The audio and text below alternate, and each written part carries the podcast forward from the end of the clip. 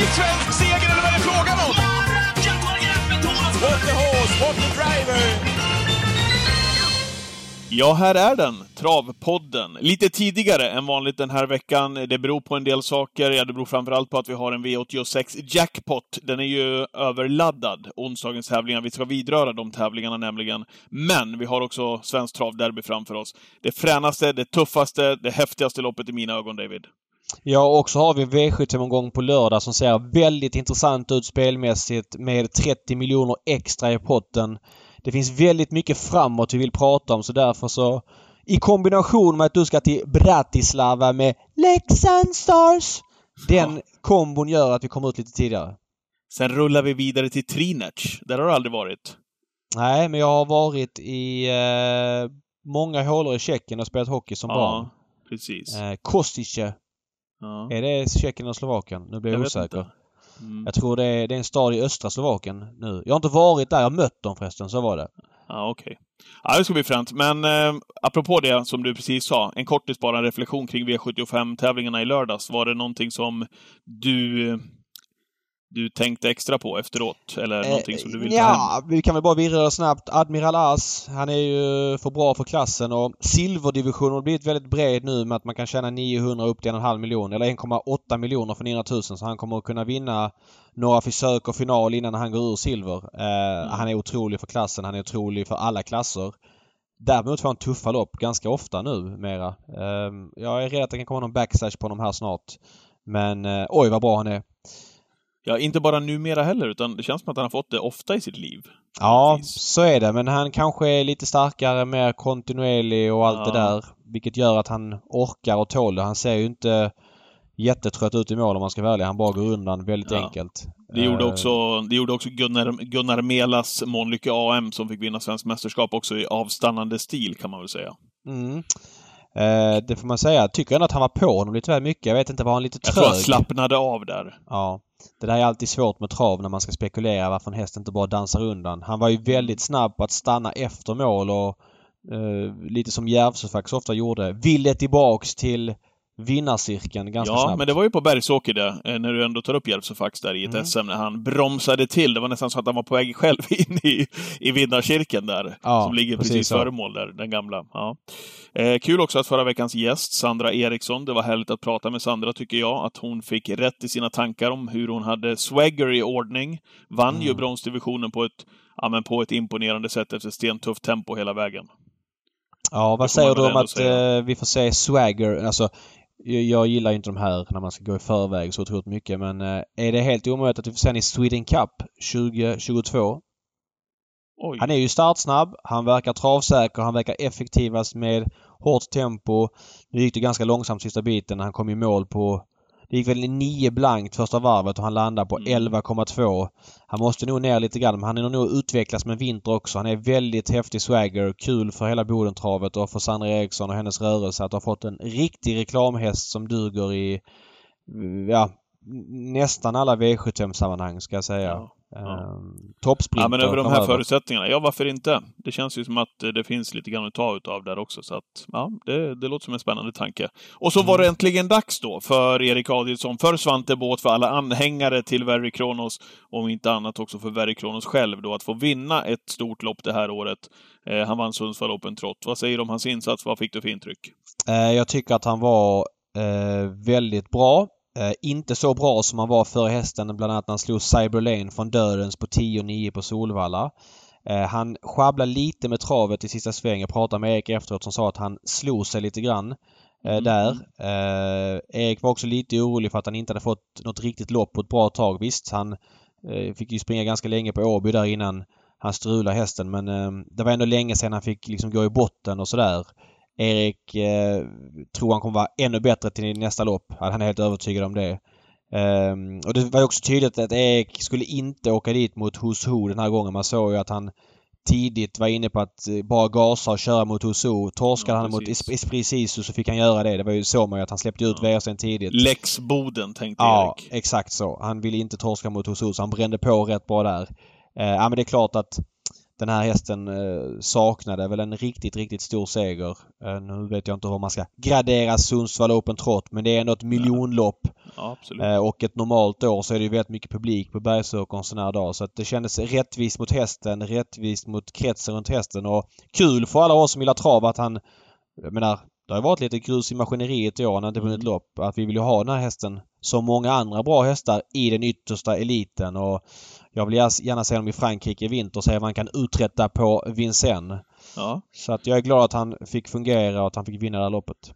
Lite i skymundan också. Magnus A. Djuse med dubbel på V75, Tattoo Avenger och Activated som var tillbaka och spurtade till seger. Vi kommer till Activated mer senare i den här podden, lite senare. Höra vad Carl-Johan Jeppsson tänker om Activated. Han kör ju nämligen den hästen nu till helgen också. Mm. Eh, V75 landade in runt 30 000 kronor på V75. Grattis inte... Patrik, säger vi. Snyggt spelat. Ja, Ja, mm. tack.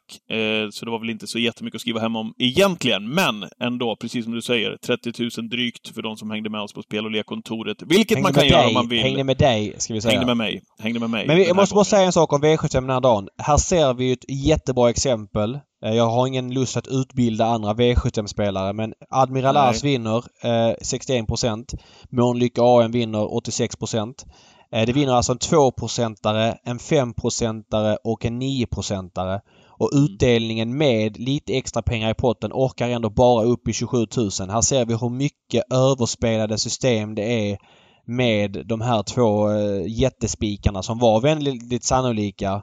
Men som också gör att man slår knut på sig själv på V75 och lämnar in rader, jättemånga rader som ger jackpot på mm. femmorna. Eh, vilket gör att man i längden som V75-spelare har väldigt svårt att vinna.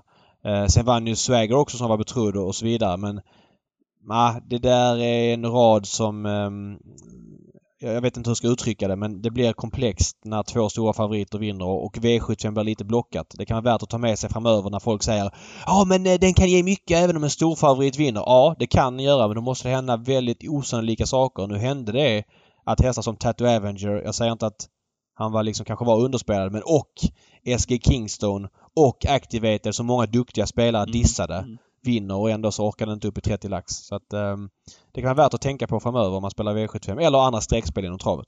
Mm. Bra. Den här podden det görs av Gambling Cabin. Den är koll på. Nu ska vi gå vidare. Vi ska blicka framåt den här veckan. Det blir mycket derbyfokus såklart, men det blir också V75-snack. Vi bjuder på lite extra sånt den här eh, veckan, tänker jag. Okej, okay, ska vi kasta oss över veckans eh, huvudgäst, David? Det tycker jag att vi gör. Och då har vi med oss Jennifer Persson. Välkommen till Travpodden, Jennifer. Tack så mycket. Och till att börja med, stort, stort grattis till derbyplatsen med Titan Yoda. Ja, men tack så mycket. Det Hur, eh, ja, jag förstår det. Vad var, vad var spontana känslan när du såg att det skulle gå vägen? Eh, ja, alltså spontana känslan just där och då var väl jag såg inte jättemycket av loppet utan jag var så, alltså jag har aldrig upplevt en sån nervös känsla i hela mitt liv. Så att, ja, det var väldigt spänt där ett tag liksom. Men eh, när jag väl fick liksom, ja men när jag förstod att, att vi, att vi grejade finalplatsen då, det var ju såklart en, ja, alltså det var en väldigt skön känsla samtidigt som det var liksom en lättnad eller vad man ska säga. Alltså det var ju inte så att han ramlade undan från tredje in och liksom så här utan han fick ju ett tufft lopp och mötte en av favoriterna Giroud Eh, hur tog han loppet? Ja, men han tog loppet bra faktiskt. Eh, han är ju, alltså det skulle jag nästan säga är en av hans starkare sidor, att han känns ju väldigt liksom, ja men ärlig häst som är väldigt oen på positioner sådär. Han är ju, ja men jag tror det snällaste loppet han har fått i min regi i varje fall, det var ju när han fick, ja men lyckades komma till ledning en gång där när Uffe körde han för första gången på Eskilstuna. Annars har det ju varit liksom dödens och tredje spår och liksom, ja men hela den där biten. Så att eh, ja, han är ju väldigt tuff så liksom, så han, han tål att göra jobb. Och, men det är klart att det var väl inte det man liksom kanske hade hoppats på att han skulle behöva gå i dödens i försöket och sen dessutom då ha den här Chiro i rygg liksom och dra fram den. Det var väl såklart inte det optimala, men Nej, han var ju väldigt bra för dagen så det, det gick ju ändå. Så det var ju skönt. Eh, ja, verkligen. Vi ska prata mer om honom sen. Jag måste bara fråga. Var loppet lite för tufft för att du ska vara helt nöjd? Eller känner du att han kommer gå framåt med loppet? Jag tycker det där är lite olika vem man frågar. Vissa säger alltid till sin fördel ah, men han kommer gå framåt med loppet. Det vet man säger ah, lite för tufft för min smak. Vad känner du? Ja, alltså det där är ju så svårt att säga för det är ju väldigt olika tror jag från häst till häst liksom. Men mm. äh, med tanke på hur det har sett ut för han tidigare och ja, han har fått liksom ganska tuffa lopp och jag tycker att han har tagit är liksom ett steg framåt för varje lopp han har gjort. Eh, och, så jag, ja, vad jag kände igår när jag körde, jag körde han i jobb då efter, det var ju första snabbjobbet efter derbyuttagningarna och jag tyckte han kändes väldigt, väldigt fin. Så, så här långt så tycker jag faktiskt inte att jag har någonting att liksom anmärka på så. Och sen är det ju väldigt svårt att säga om han ska göra liksom en ännu bättre prestation Alltså nu, det, det, är klart att det ska ju till att det ska bli, men samtidigt så hoppas jag inte att han ska behöva gå i dödens då heller. Så det nej. är ju såklart en väldigt tuff nej. historia att göra det liksom. Så att, eh, nej, jag, jag, jag har ingenting att anmärka på. Och som, som sagt, vissa hästar tuffar ju till sig av den typen av lopp och vissa hästar gör det ju inte. Och av de liksom, vad jag kan ha sett av han i tidigare lopp så har han ju fått ja, men samma typ av lopp och tagit ett steg framåt. Så jag hoppas att vi, är, att vi är på rätt spår. Mm. Ja, härligt. Du... Vi, ska, vi ska komma tillbaka till Titan Joda eh, lite senare när det blir lite mer fokus då på, på själva eh, derbyloppet och spåret och allt det där som man fick. Eh, men överhuvudtaget så går det ju otroligt bra för dig, Jennifer. Mäkta imponerad måste jag säga av resultaten och kanske framförallt hur hästarna ser ut när de kommer ut på tävlingsbanan. Vad tänker du kring ja, resultaten? Och jag måste bara flika in och säga, alltså menar man, det finns ju olika segment av travtränare. Man kan säga att Per Nordström kanske är hetast bland stortränarna men eh, bland mindre tränare så måste man ju säga att du är Sveriges hetaste tränare just nu, känner jag. Vad, vad känner du runt hela den grejen? Ja, alltså först och främst blir jag väldigt, väldigt glad och rörd att ni säger så fina ord. För att det, ja, det, jag blir väldigt glad när ni säger att hästarna ser fina ut. För det är det viktiga för mig, att de liksom ser väldigt fina ut och ja, men tycker att det är kul. För jag tänker att kommer man ut med en häst som liksom springer med ja, men, trava dåligt med huvudet. Och liksom man, ja, men jag tycker intrycket är det viktigaste när man ser en traves. Liksom. Och det är det jag jobbar för hela tiden, att hästarna ska se så fina ut som möjligt. Och, och vara, alltså, vara så spänstiga som möjligt. Så, så det, jag blir väldigt glad när ni säger det. Ja, vad kul att höra att du säger det, för då delar vi helt och hållet det där, eh, Jennifer. För, jag, för då har man ju ändå grunden där. En fräsch häst som tycker att det är kul att tävla. Eh, ja men visst, den kanske inte är i form någon enstaka gång, men den ser fin ut och då vet man att ja, men grunden finns där och någonting att bygga ifrån. Jämfört med många som kommer säkert ut och gör kanonprestationer, men ser si så där ut eller faller ur travet eller kommer ut i värmningen och ser eh, ja, men inte speciellt bra ut. Då vet man också att då är det bara en tidsfråga innan, innan det är boxvila. Så att, ja, jag håller med dig fullständigt och jag tycker mm. det smittar av sig på, på dina hästar. Vad är det du gör då för att ha dem i det skicket? Eh, ja, alltså jag krånglar inte till det så mycket faktiskt. Det gör jag inte. De, är, de får vara hästar liksom. De är ute mycket i hagen, de har kompisar. Ja, jag har jättebra hjälp av liksom, duktiga hovslagare som ser till att hovarna är bra. Jag är liksom, duktig veterinär, håller efter minsta lilla jag känner att det är någon skavank. Så, ja, men, som alla tränare gör, tänker jag. Liksom, så. Eh, sen att de, ja men rätt mat, liksom, jag har bra massör som är här och hjälper mig och håller dem fräscha i muskulaturen och jag jobbar mycket själv med, med muskulatur. Liksom. Jag tycker att det, det tror jag är väldigt viktigt faktiskt. Det är där jag mm. tror alla skador kom, börjar liksom ifrån början. Så när man kollar på ligament och sådär. Liksom. Så äh, jag tänker att, att de ska vara glada och ja, men, vara ute mycket och alltså, få vara hästar också. Liksom. Så det, det är ju ändå en, en häst och och de måste ju få, få ha sitt också liksom. Så att det, nej, jag, jag, alltså jag inte så, jag krånglar verkligen inte till det. De, det får vara hästar helt enkelt. Men, men jag måste fråga, var, Eh, var kommer du ifrån? För nu vet ju jag eh, vem du är. Först och främst för att du, du blev tillsammans med vår förra kollega Oskar Westberg eh, och, och, och, så vidare. Men vad har du för bakgrund? För att du är alltså 27 år. Du är väldigt ung för att hålla på med det här och du, du Ja, det går väldigt bra för dig. Vad har du liksom tagit med dig tidigare? Vad har du gjort innan du blev travtränare? Eh, jag har väl jobbat på som alla andra. Alltså så, jag har, det började med att jag, ja, men jag är ju från Gotland. Jag är ju uppväxt på Gotland där jag. Tyvärr har jag min dialekt försvunnit och det vet jag inte varför. Ring mjoren! ja, jag vet inte fan vad den på vägen. Nej då, men jag, eh, jag bodde i alla fall där nere under hela min uppväxt och har ju min familj där nere liksom. Eh, men sen flyttade jag till Göteborg och gick travgymnasium där. Och då blev det ju att, ja, då fick man ju upp ögonen för liksom sporten ordentligt så. Eh, och efter det då så, ja men då gick jag där nere och ja men gick i skolan där och lärde mig en hel del och lärde känna folk och så. Sen började jag jobba hos Claes Sjöström. Sen jobbade jag väl där i ungefär, ja vad blev det, fyra och ett halvt år tror jag. Eh, och sen då så ja, tog jag lite andra ja, men kontorsjobb sådär. Liksom. Jag ville prova på lite annan typ av jobb också så, så att jag visste hur det kändes. Eh, och då, hade, ja, men då träffade jag Oskar i samma veva där och så vi hade ju lite amatörhästar tillsammans och så. Då men sen kände jag en dag bara att jag ville prova det här med hästar igen på heltid och, och fick in lite konvalescenter då som jag fick ta hand om. Vilka hästar var det då eh, du fick in då?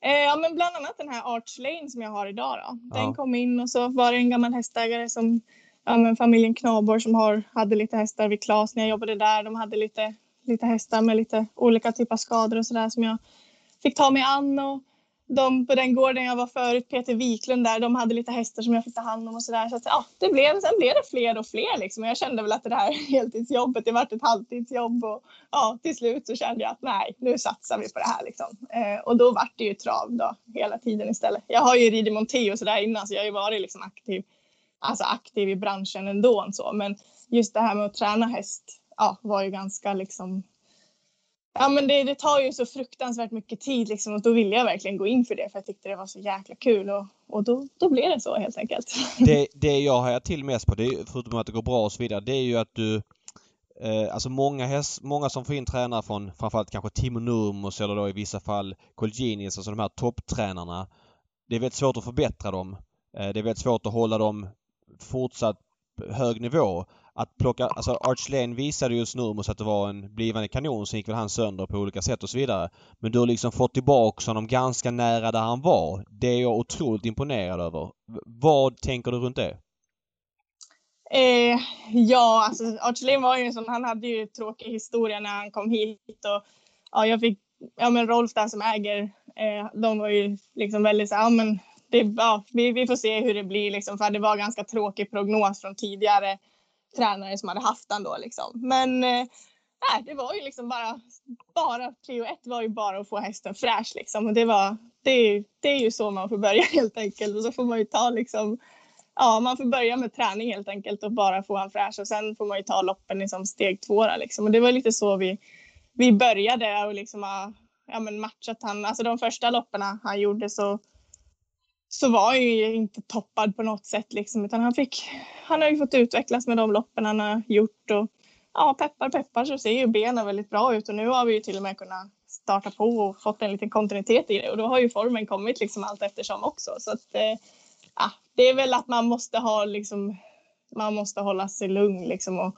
och där är ju det viktigt med bra hästägare i ryggen som inte liksom sätter press utan de förstår att hästarna behöver tid liksom. Och det det är ju lika viktigt liksom. Så är det ju. Mm. Mm. Din, ja, jag, är eh, hes, jag är hes eh, fortfarande från senaste insatsen där. Eh, vi har så att vi kan göra eh, spel eller eh, andelssystem på spel och lekkontoret på ATG.se.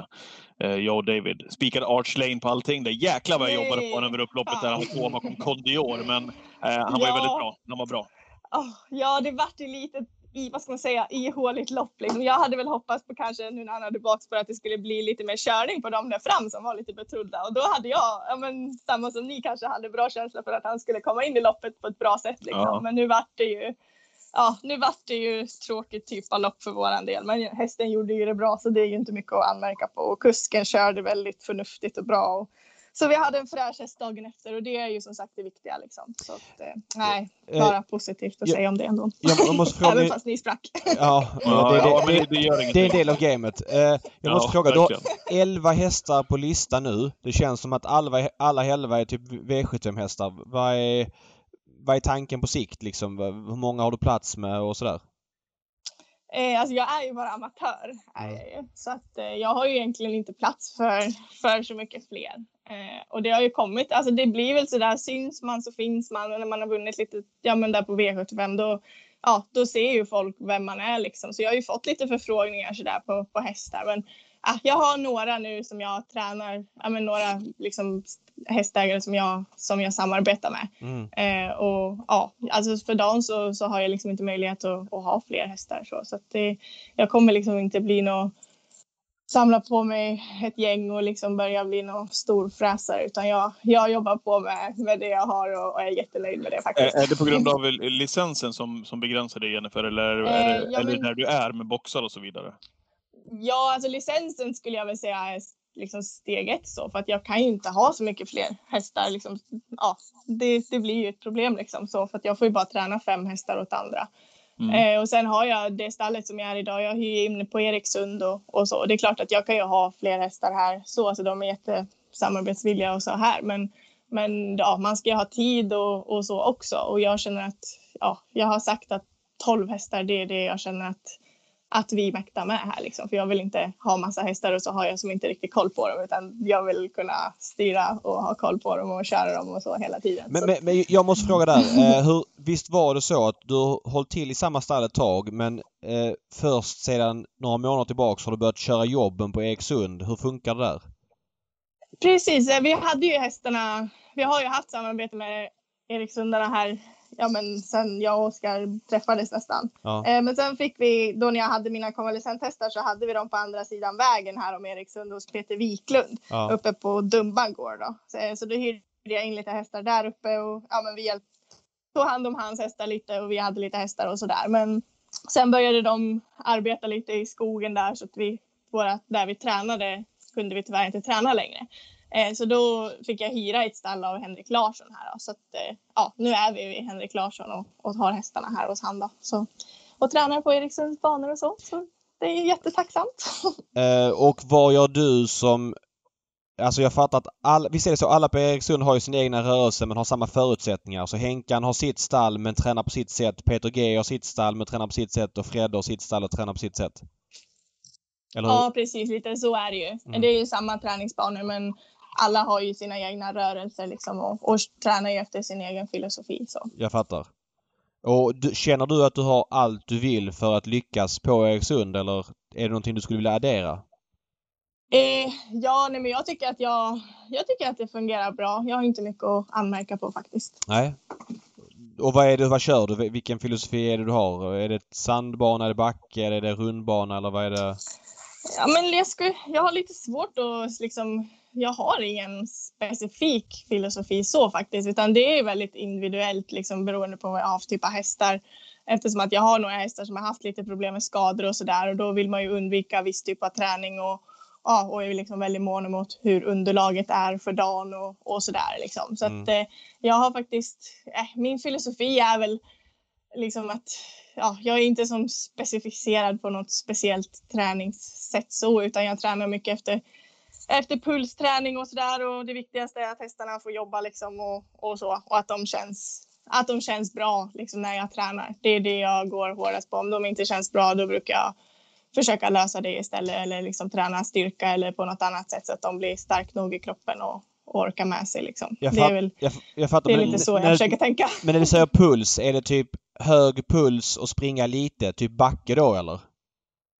Eh, ja, men det där är också väldigt individuellt kan man tycka för att alla hästar ligger som olika i pulsar, alltså så lika som människor kan jag tänka mig. Ja. Men eh, vissa hästar är väldigt lågpulsade och vissa är, ja, men ligger lite högre i puls och så. Så då får man ju anpassa sig lite vad för typ av träning de behöver. Och, och det där är också olika på vart man är på säsongen. Liksom. Om man ska träna inför tävling, då, ja, som du säger, då kanske man vill köra lite kortare sträckor med lite högre fart så att man får upp pulsen lite liksom, kortare intervaller. Och ska du träna styrketräning så, så är det väl tvärtom. Liksom, så. Så att, eh, ja, det är ju, det, jag tycker det är väldigt svårt det där att säga liksom något specifikt. Alltså för jag, jag skulle nog behöva, jag har inte testat så mycket liksom, träningsfilosofier så utan ja, det finns säkert alla möjliga sätt du kan göra för att bli ännu bättre. Men eh, ja, det, det, har jag lite att jobba på faktiskt. Eh, tillbaks till det här med din rörelse. Eh, du har 11 hästar nu. Du säger att du inte vill bli en storfräsare men om vi ser det ur ett femåringsperspektiv. Var ser du dig själv då? Du, du är knappast kvar med 11 ja. hästar i alla fall. Om det fortsätter gå så här.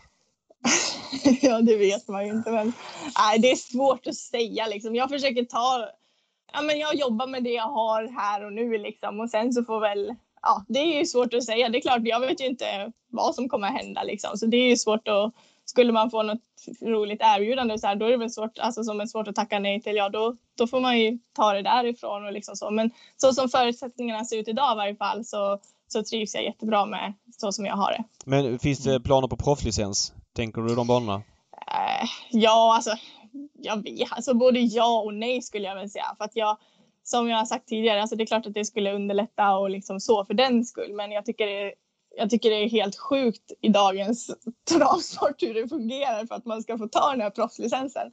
Och som det ser ut idag så har jag liksom inte möjlighet att lämna min rörelse i en månad och bara sticka mm. iväg för att sitta vid skrivbordet och glo liksom. Så att, äh, det är väl den, av den anledningen jag vägrar ta den kan jag säga. Ja, jag fattar. Jag fattar. Kan du inte skicka upp Oskar där så han får ta den? ja, precis. Ja, exakt. Ja, nej, så det är, väl, det är därför jag inte har. Alltså annars hade det varit på något annat sätt, liksom, att man kunde få den, då hade jag nog inte tvekat en sekund. Men jag tycker det är så korkat system så att jag, då känner jag bara nej, då kan det lika väl vara. Liksom. Ja. Eh, du har ju varit en av de främsta monterryttarna under en ganska så lång tid. Eh, jag var inne här och kollade lite antal, eh, hur många lopp du rider och sådär. Har du försökt hålla dig på ungefär samma nivå ändå väl, trots att du har, ja, men har de här 11 hästarna i träning? För det ser ut som att du rider ungefär lika mycket här varje år efter år. Ja, men jag tycker väl i år har det blivit lite mindre så. Mm. Eh, och det är ju, jag har ju bara varit igång ordentligt nu med hästarna liksom i typ, ja men sen förra året vi, ja vad blir det, eller typ i, i maj där någon gång tror jag jag drog igång på riktigt liksom. Mm. Eh, men eh, nej men det blir ju såklart, alltså jag har ju mina kunder som jag rider åt och sådär men ja förut så var jag ju väldigt liksom att jag skulle rida all, allt jag fick förfrågan på. Men jag har väl börjat tänka lite annorlunda där nu kanske att jag, jag prioriterar ju hästarna såklart i första hand och, och så. Och sen så har jag ju även lite montéhästar själv i stallet och sådär så att jag det är klart att det krävs mycket av en monterryttare och liksom hålla igång och sådär. Så det är klart att jag åker till och rider om jag får förfrågan på banorna här i närheten. Så, så då åker jag ju och rider ja. om, om jag kan. Liksom, det går bra att kombinera alltså? Eh, ja men det gör det ju såklart. Jag, ja. Tävlingarna är ju ofta på kvällarna när de lägger monterlopp och sådär och, och då, då funkar det ju. Så. Men vad, vad är det för monterhästar du har i stallet? Jag försöker kolla det. Stad Muffin bland annat. Vilka... Stad Muffin, mm, precis. Stad Muffin, han, är ju varit, han är ju, börjar ju få lite jobbigt nu för han har ju tjänat mycket pengar och det går väldigt fort för honom på sommaren. Han är ju lite mer lite ja. mer vinterhäst så. Men han går ju bra i monté och sen har jag även en ny häst som heter Carl May Boko som vi, jag tror kommer få en väldigt fin framtid i monté här. Eh, ja men den har jag bland annat mm. och sen vad har jag mer som, ja men här Vincent Chase har ju provat lite Monté och ja, lite sådär, lite men, nyförvärv som jag kanske kan få igång i Monté snart. Ja men ni vet, man har sina drömmar. Men, men jag måste fråga, hur, vad, vilka egenskaper måste en häst ha för att funka i Monté? Du som ändå rider loppen och tränar. Eh, ja, men alltså det, det där tycker jag är en svår fråga för det har, alltså jag har ridit så sjukt mycket montéhästar.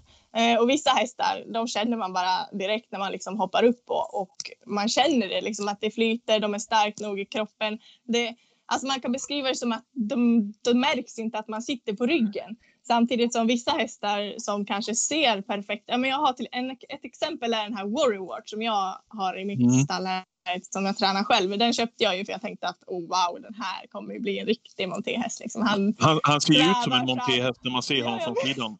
Ja. Han är stor som ett hus, han svävar fram, han är stark. Liksom. Och, ja, jag tänker det här kommer bli helt optimalt liksom, för min. Ja. ja. nu ska vi bara ut och rada upp segrarna. Och så hoppar man upp på honom och då känns det som att man själv väger typ 300 kilo och att han ska ramla ja. omkull för att han inte kan bära ryttare. Liksom. Så, ja, men jag skulle nog säga att det, det bästa för hästarna är väl att de ja, de har ganska kort rygg liksom och ja, orkar, ja, men de orkar hålla ihop sig och är stark, stark i kroppen och starka ben och, och så. Det brukar alltid fungera väldigt bra liksom. Mm.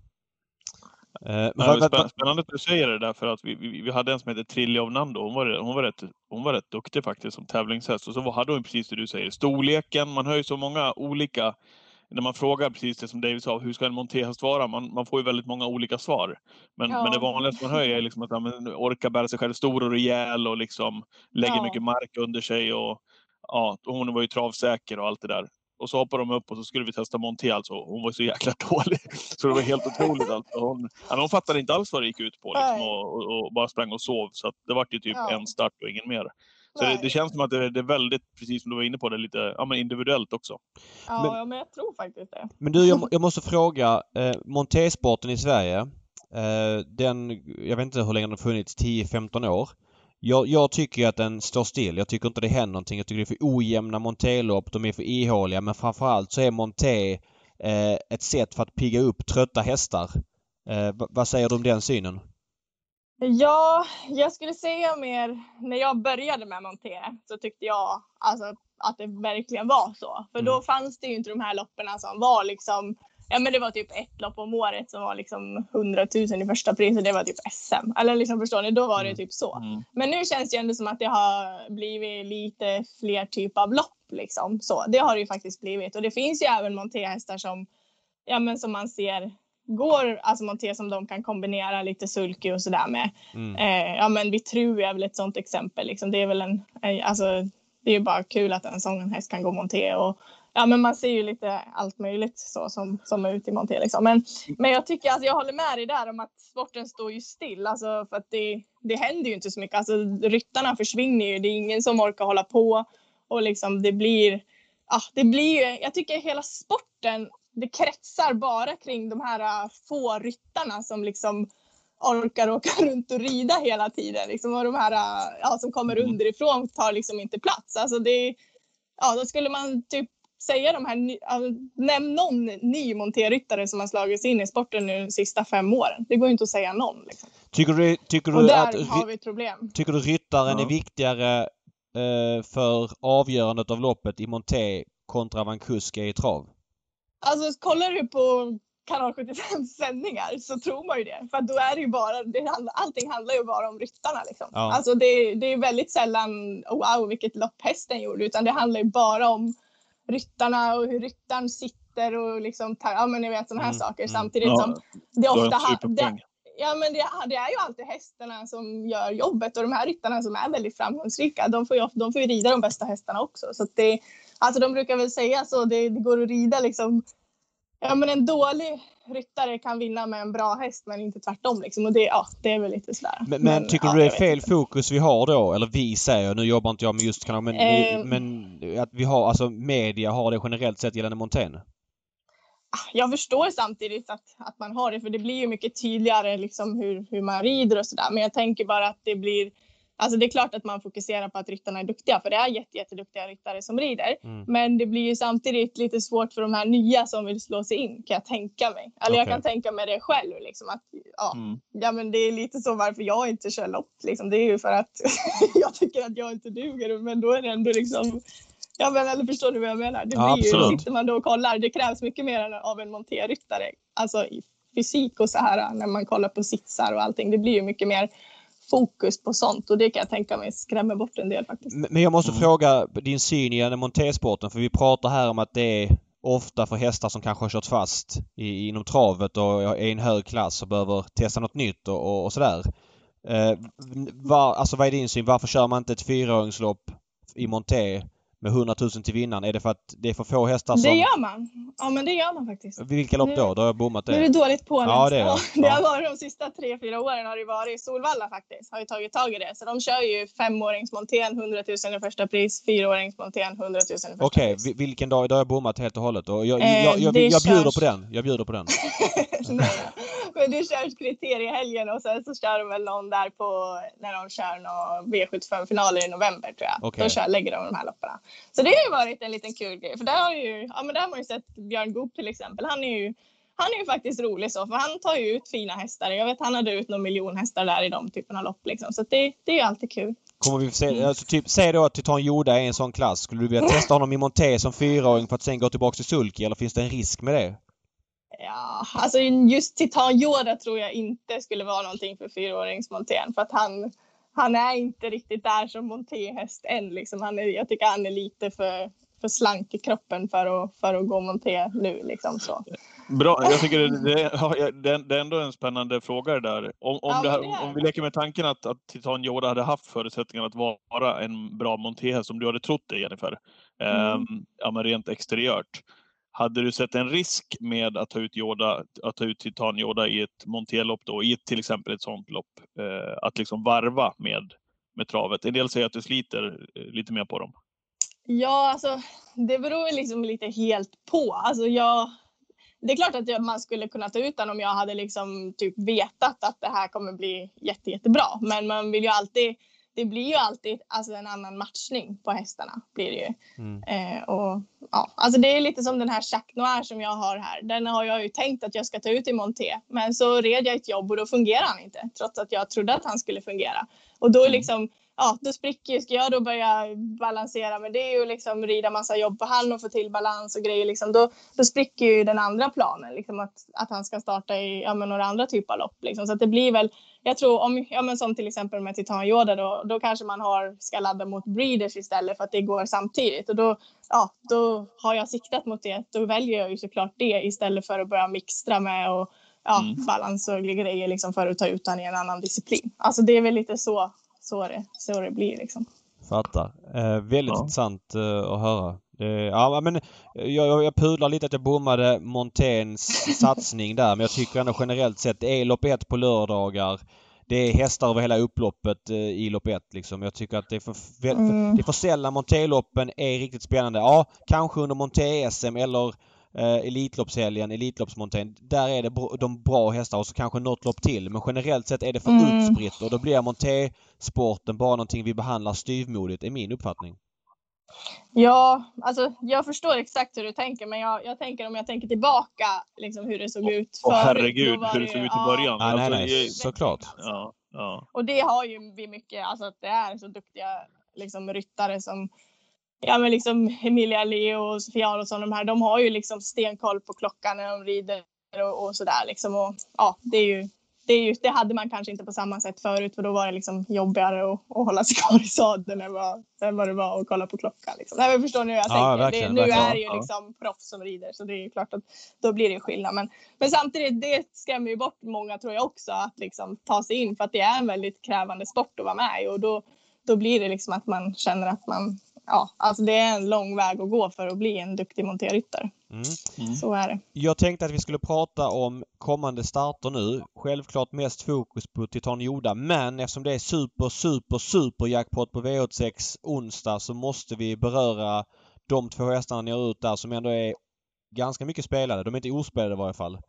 Eh, och jag vill börja med Stad Muffin som eh, kommer just från massa montéstarter Eh, till sulkylopp. Ett ganska ihåligt lopp men han står med tillägg. Vad, vad har du för känsla där? Varför går du bak till sulky nu och, och vad tänker mm. du om uppgiften? Vi, vi, kan ju säga det att det är åtta, en, två, tre, fyra, fem, sex, sju, åtta montéstarter på de nio senaste. Mm. Mm. Eh, ja, men han är ju han är bra för sulke också. Alltså det, han kan gå sulklopp, det handlar inte om det. Men han har lite tuffare att räcka till tycker jag nu på sommaren liksom över i sulke för att det går väldigt fort i hans klass. Han har ju tjänat en miljon då, mm. nästan.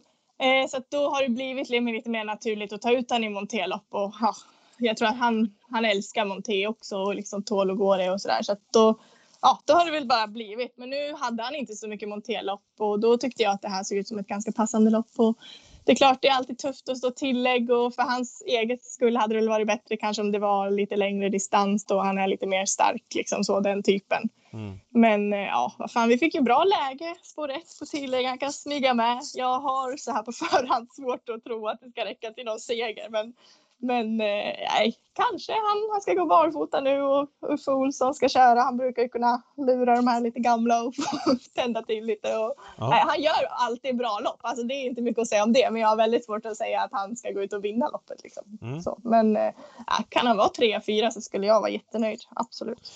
Bra där. Eh, det var alltså V64, V862. V864 eh, också ganska... Han blir miljonär om han vinner. Ja, det kan jag lova er. ja, precis. Ja, Stad Muffin ja, tänker jag på. Han blir också det. det är mitt mål nu. Jag tänker att han kan förtjäna en miljon och sen kanske han kan få bli pensionär på fint sätt. Ja, jag, jag tar gärna en mil också. V86 4 Eh, ganska betrodd också bakom jättefavoriten Hemisphere 3 eh, I Love You Sisu. Eh, anmäld barfota runt om för första gången. Hur ser du på, på den här uppgiften?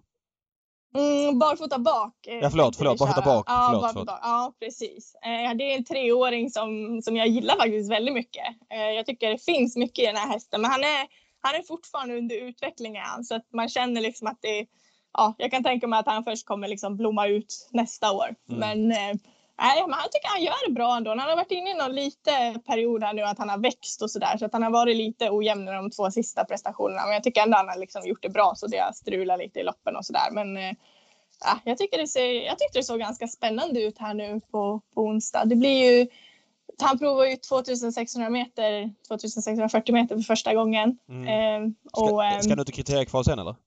Ja, men det, det, här får väl, jag tänker att det här får bli en liten uppladdning och se ja. hur, hur han står sig lite så. Mm. Eh, hur han tar det här loppet och så. Men det är väl såklart tanken eftersom att han är ju tre år och ja, man har ju en chans där. Och jag tycker ändå att han, han känns som en, han är liksom, ja men lite bättre än de, vanliga treåringarna tycker jag i varje fall vad jag kan bedöma. Så jag hoppas att det ska hända lite nu. Han, han, har han var ju otroligt fin vid Visby-starten där i, Nej, i Tvärtom skulle jag säga. Jag skulle skälla på honom där. Jag tyckte att han borde vunnit Va? enklare. Ja. Eller är jag taskig då mot honom? Han var lite segare då faktiskt. Ja. Titta Patrik, du eh. hänger inte med i travet. Det är tydligt nu. Du, du blottar dig. Men alla, alla vet ju om att det är Montello på fyraåriga hästar. Exakt, du ska inte vara så kaxig. Nej. Nej men var han inte lite seg då? Jag tror han skulle vinna lättare liksom. Ja, men han är, jag tror som sagt att han har varit inne i en liten växtperiod. Han har varit som lite, han har känts fin och sådär, men man har ändå känt i värmningen att det har varit det där rätta klippet liksom. Mm. Eh, men jag tycker nu de sista tre, fyra jobben så alltså, har han varit lite mer spänstigare och sådär. Så jag hoppas att vi, att vi ska kunna få till formen lite bättre här nu till, till Revankas kriteriekval. Men jag tror att det kommer hjälpa honom lite också om vi kan få bak skorna för att han har lite, han har så stor aktion liksom så han är på sig lite och grann och sådär så jag tror att han kan bli lite friare om vi får ha bak skorna. Men du blir inte chockad om du vinner? Eh, du möter ju Hemisphere ja. som står ganska ja. billigt i inloppet får man ju säga. Exakt och det är ju en, alltså det har ju varit en riktig snackhäst liksom. Ja. Så att, eh, ja, sen har väl den strulat till det för sig lite då och då också så där. Så det, det är väl det som är tjusningen med trav, att man kan ju aldrig liksom veta någonting på förhand. Men, men eh, jag kan säga så här, jag skulle inte bli förvånad om han går ut och vinner, men, jag, men det är ingenting jag räknar med. Liksom. Nej, jag fattar. Mm. Eh, jag, ska säga... Jag, jag, fick i alla fall I Love You So Klar av kanal 75 eh, live-arbetaren Elin Gustafsson inför Visby-starten. Det kanske var därför jag var extra oh. glad över att den var... Ja. Ja, eh, Uffe gillar ju den hästen också, så det är ju ja, exakt. positivt. Så det kanske kom därifrån. Jag ska säga det om, om Hemisfär. Vi kommer inte ha någon V86 genomgång här, men jag messade faktiskt Erik som har kört honom en, en del. Han har aldrig startat i voltstart och han har galopperat en del. Så frågade jag bara spontant, för jag messade om något annat och då skrev jag Hemisfär voltstart, vad du för känsla om det?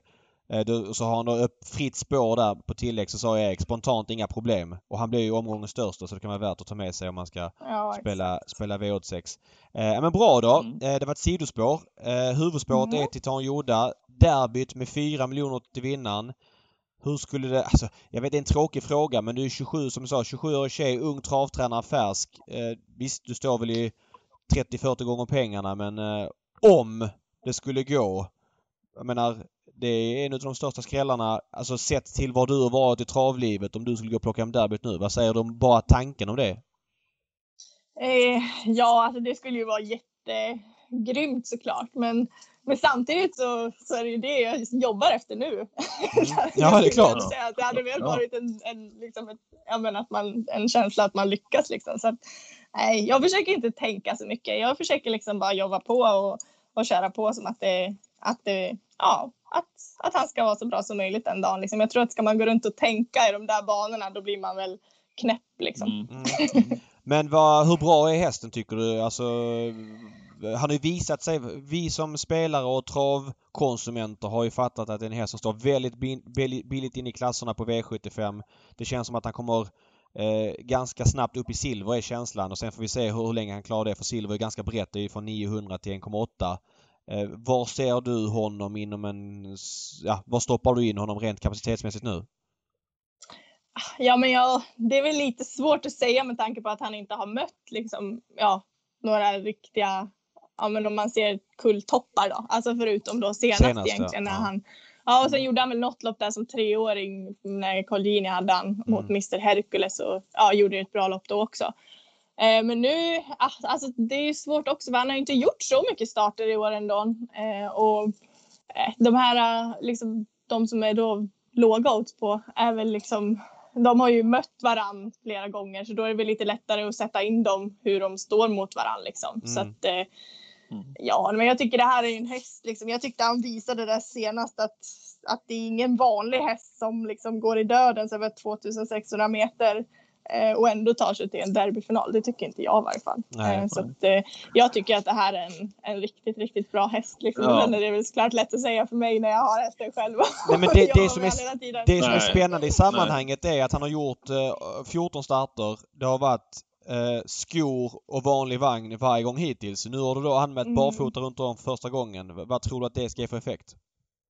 Eh, jag tror att det ska ge jättebra effekt för det, ja men en sån som Ulf Olsson som har kört här nu i de flesta starterna för mig. Det började han ju prata om redan liksom efter första gången liksom så här, tänk, tänk när vi rycker skorna mm. liksom. Eh, och det säger ju ändå ganska mycket och han vill ju göra det inför försöket nu redan men jag var ganska sträng mot honom och sa att vi sparar ja. den växeln till finalen. Och, ja, jag fick ju rätt så nu är vi här i alla fall. Och, ja, ja. Jag ville liksom spara det till något sånt här och det känns jag vet inte. det var helt rätt. Ni kanske tycker att jag är helt, helt snett på det. Men jag, jag ser ju så här, David, jag vet inte vad du säger. Med körning i det här loppet, alltså med bra pace på loppet. Det finns ju några där framme som vill vara med och, och, och tampas om positionen. Vi vet att det blir alltid något oväntat Eh, några oväntade moves i finalen. Mm. Alltså med tempo på det här loppet, barfota runt om. Jag kan se han vinna Svenskt travderby.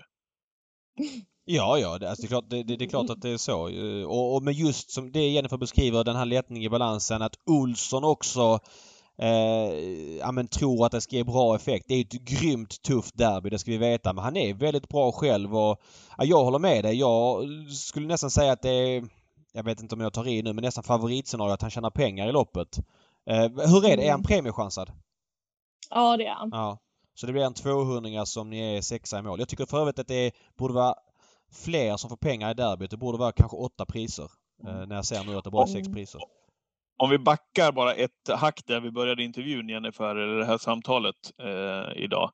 Eh, du säger att du jobbar liksom för att ja, men, ha honom i bästa möjliga skick nu när det är dags för final. När du, har, du, har det varit svårt att ta in att du har Titan Yoda i derbyfinalen så här tidigt i din tränarkarriär. Jag menar som B-tränare. Jag menar det är Daniel Rydén, det är Björn Goop, det är Per Nordström, det är Timo Nurmos gånger tre, det är Jörgen Westholm. Och ja, men, oerhört etablerade tränarnamn. Och att du är med där. Vad tänker du kring det? Eh, ja, alltså ska jag vara helt ärlig så har jag ju som siktat mot det här uh, hela året liksom.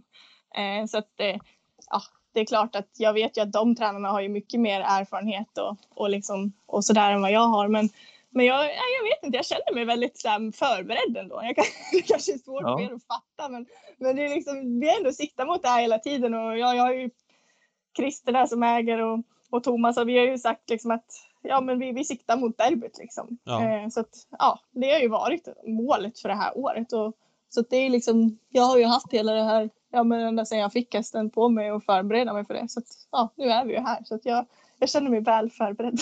Ja, ja kul. Eh, Patrik, vill du säga någonting mer om derbyt eller kan vi... Eh... Nej, jag tror vi kan closea just det och bara hålla alla tummar som går. Ja.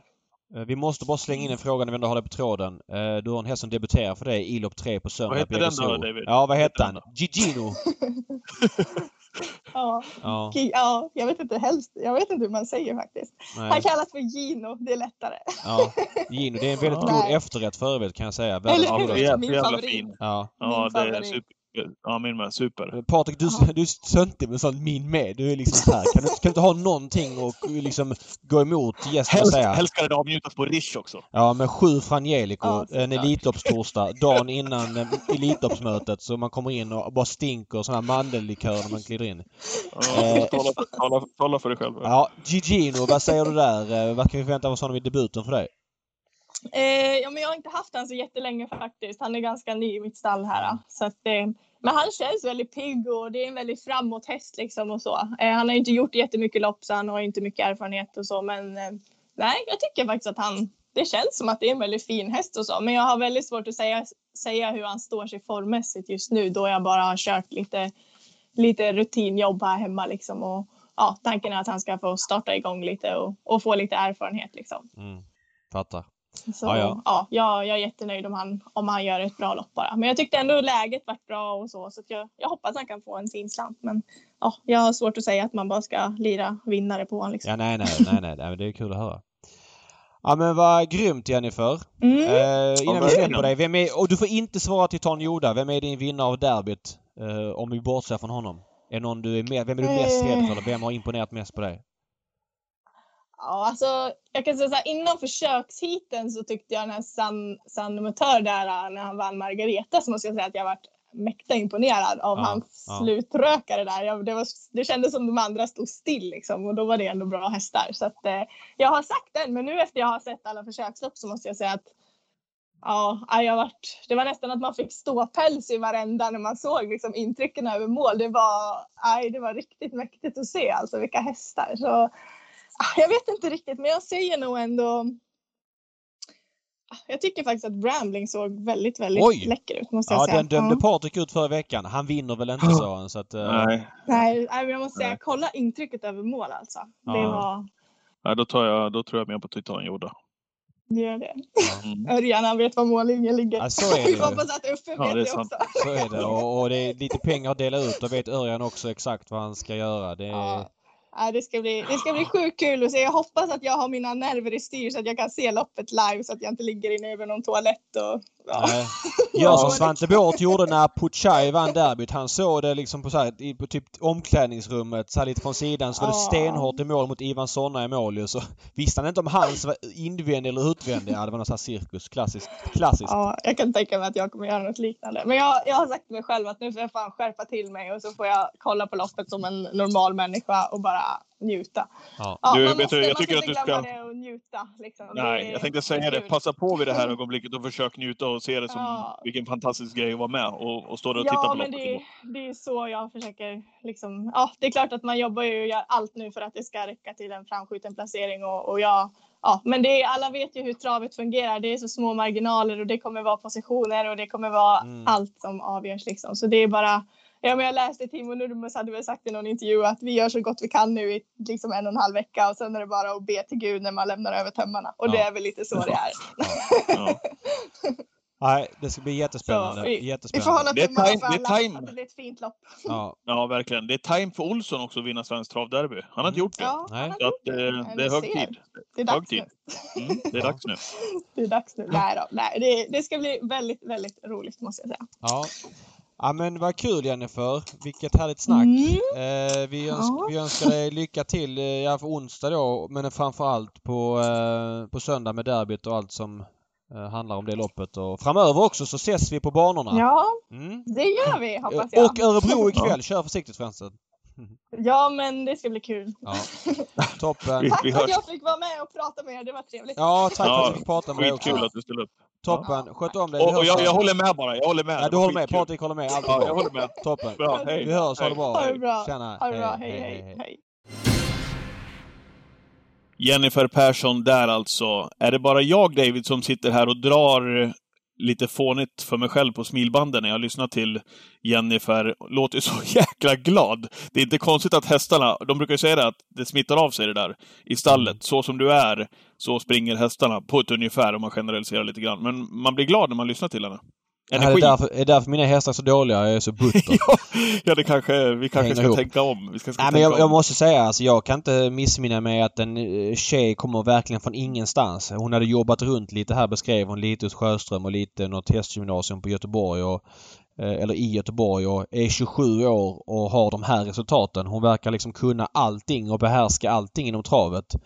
Eh, vill hon det är upp till henne helt och hållet. Så har, jag har svårt att säga att hon inte ska bli en, en stor tränare om hon vill bli det. Sen kanske hon inte har de ambitionerna. Hon kanske vill göra något annat i sitt liv. Det säger jag ingenting om. Men hon verkar vara väldigt rätt på det i vad hon gör. Mm. Och ja, men som sagt, att som kvinna eh, och vara så pass ung eh, lyckas med det är väldigt imponerande och unikt skulle jag vilja säga. Mm. Yes, vi kastar oss vidare till V75 på lördag ifrån Jägersro och eh, vi tar hjälp av eh, en gäst den här veckan.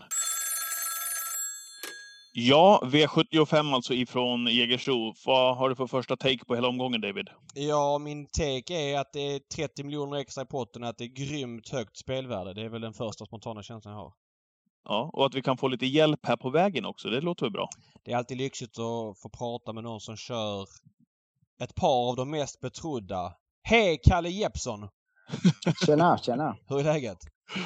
Ja, men det är fint. Jag har haft en bra dag här. Vart, eh, spelat paddel på förmiddagen och sen käkat lunch med några kompisar och eh, ja, soligt och fint väder i Karlstad så att eh, lite balkonghäng. Nu blir det ju lite internt sådär men eh, det var ju en paddelturnering här i samband med Åbys V75 som du och Christian Huselius vann tydligen totalt överlägset. Kan du bekräfta det? Nej, det var... Vi fick gå för det hela vägen för att vinna. Men det var, det var jäkla kul faktiskt. Och, ja, Christian var verkligen duktig. Ja, han är faktiskt otroligt vass på padel. På tal om Christian, bara innan vi börjar prata V7. Du körde ju hans Napoleon Cash här i derbykvalet som eh, ja, känns lite som en häst som står billigt in i klasserna. Va? Ni lyckades inte komma till final. Vad tyckte du om hans insats?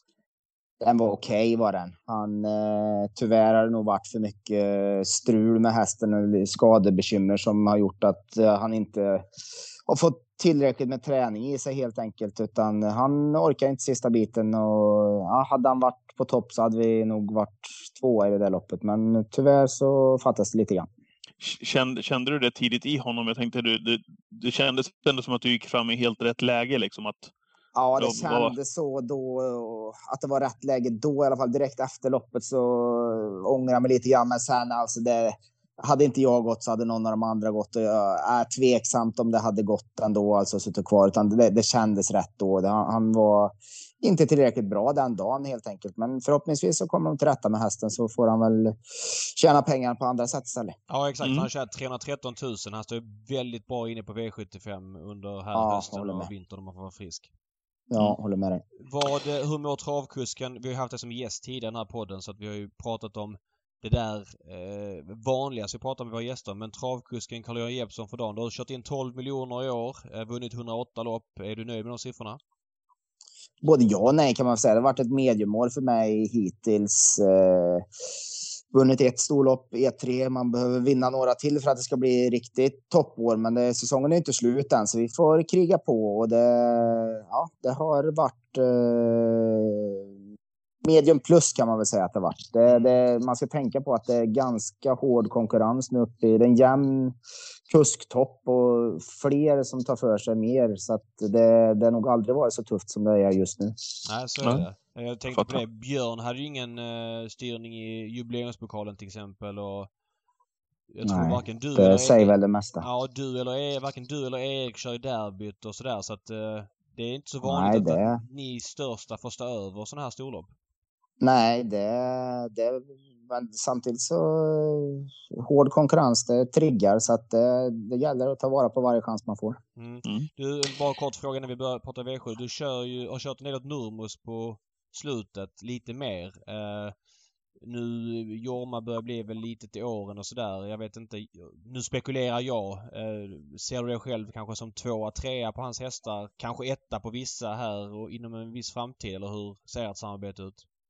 Nej, det är ingenting som vi har pratat om utan jag, jag kör de uh, gånger jag får chansen. Och Timo är en jättebra tränare så att det, det, det, är ingenting som jag har tänkt någonting på.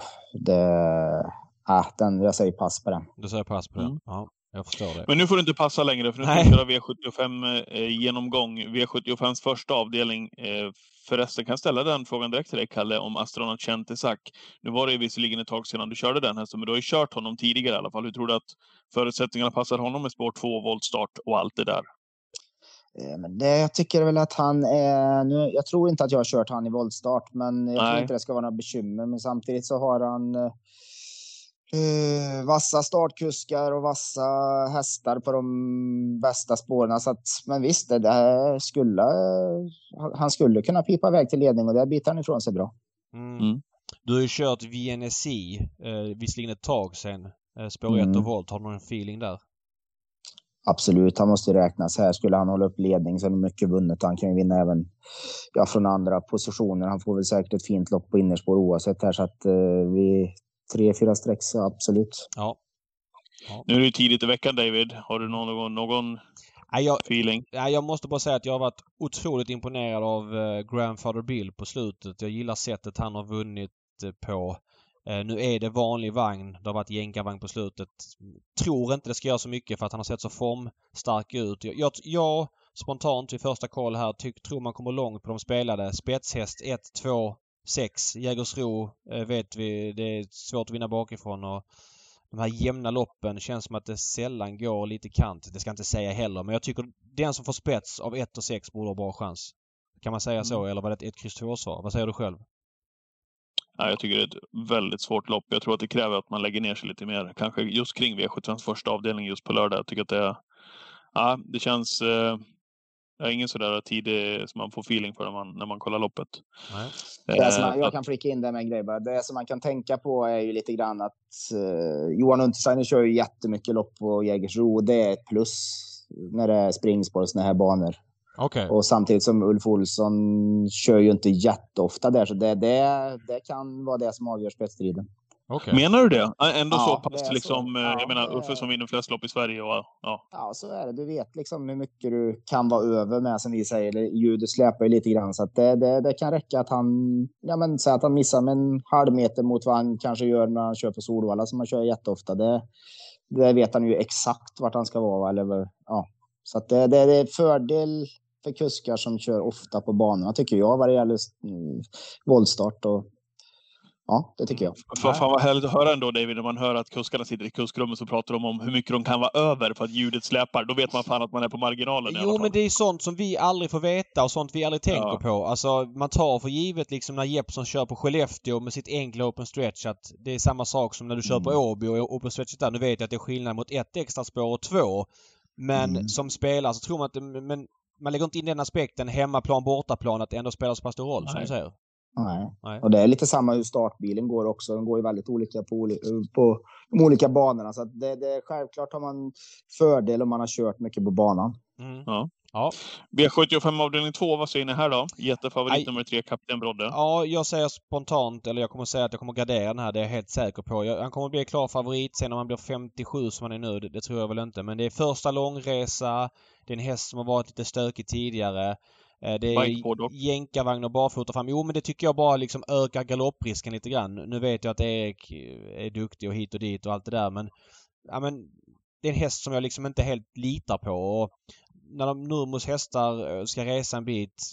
De, har, de presterar bäst på valla, så enkelt är det bara. Det är en styrka i sig för det är tuffast konkurrens på valla. Men här kommer jag eh, försöka hitta något annat. Vad vet mm. jag inte just nu men jag kommer garanterat gardera Kapten Brodde. Ja, jag flikar in bara en, en hemmahäst här eh, från mig som jag verkligen gillar. Parker som var trea senast i, i derbyuttagningen. Var väl ute i det lopp som vanns utav Chiro före Titan Yoda. Eh, var ju trea där så att det är en häst med eh, resurser som räcker en bit upp i, i, i klassen i alla fall. I alla fall för att kunna vinna ett klass 2-försök. Det är jag fullständigt övertygad om. Mm. Ja, jag håller med dig. Jag har sett den hästen. Den står billigt in i klassen. Ja. ja. Någon annan take på det loppet, Kalle? Eller ska vi bläddra Nej, vidare? Det, det som sticker ut är nog 6 faktiskt. Mm. Ja. Det som sticker ut i V75 avdelning 3, det är favoriten just nu, det är nummer 4, Bear Time, som körs av dig, Kalle. Vad säger du om den här hästen som du känner väl? Ja, men han gör ju jämna och jättebra lopp hela tiden och har ju höjt sig ett snäpp nu i, med jänkarvagn. Ja. Uh, nu ska vi se, vänta lite. Uh, har höjt sig med jänkarvagn. Uh, han jag spurtade jättebra på Axvalla och nu sist var det ju... Vart var han med? Var Åby va? Ja, Åby ja. Ja, gick ju jättebra igen och fick ju slut. Mm, bakom Born Unicorn. Ja, eh, men han kändes fin hästen och uh, han har varit lite ojämnt startsnabb. I Årjäng galopperade han och då från ungefär samma läge. Men vi höjde käken lite grann på honom till ja, då typ på Axvall och det funkar bättre. Nu får han bättre stöd så jag, jag, tror att han kommer komma iväg bra. Mm. Mm. Vad, vad, känner du? Mm. Kung Edvard är ju startsnabb och de släpper ju alltid. Uh, ja. Det är Jägersro, spets är klar fördel där. Ja, det känns ju som att uh, skulle jag typ släppa till sex här så är det ju ge bort loppet. Så att ja. det, den här gången kommer jag nog att prova om jag, om jag kommer dit. Ja. Mm. Fattar. Han känns ju... Det är, störst, är nog störst chans att vinna loppet i alla fall. Det är nog att köra i ledning om jag kommer dit. Ja, ja men så är, det väl. så är det väl. Han har överraskat mig måste jag säga, Beartime ändå. Han är ändå... Han har tjänat en och en halv miljon kronor. Han är uppe i, i silver alltså. Vad, mm. vad tänker du kring Beartime?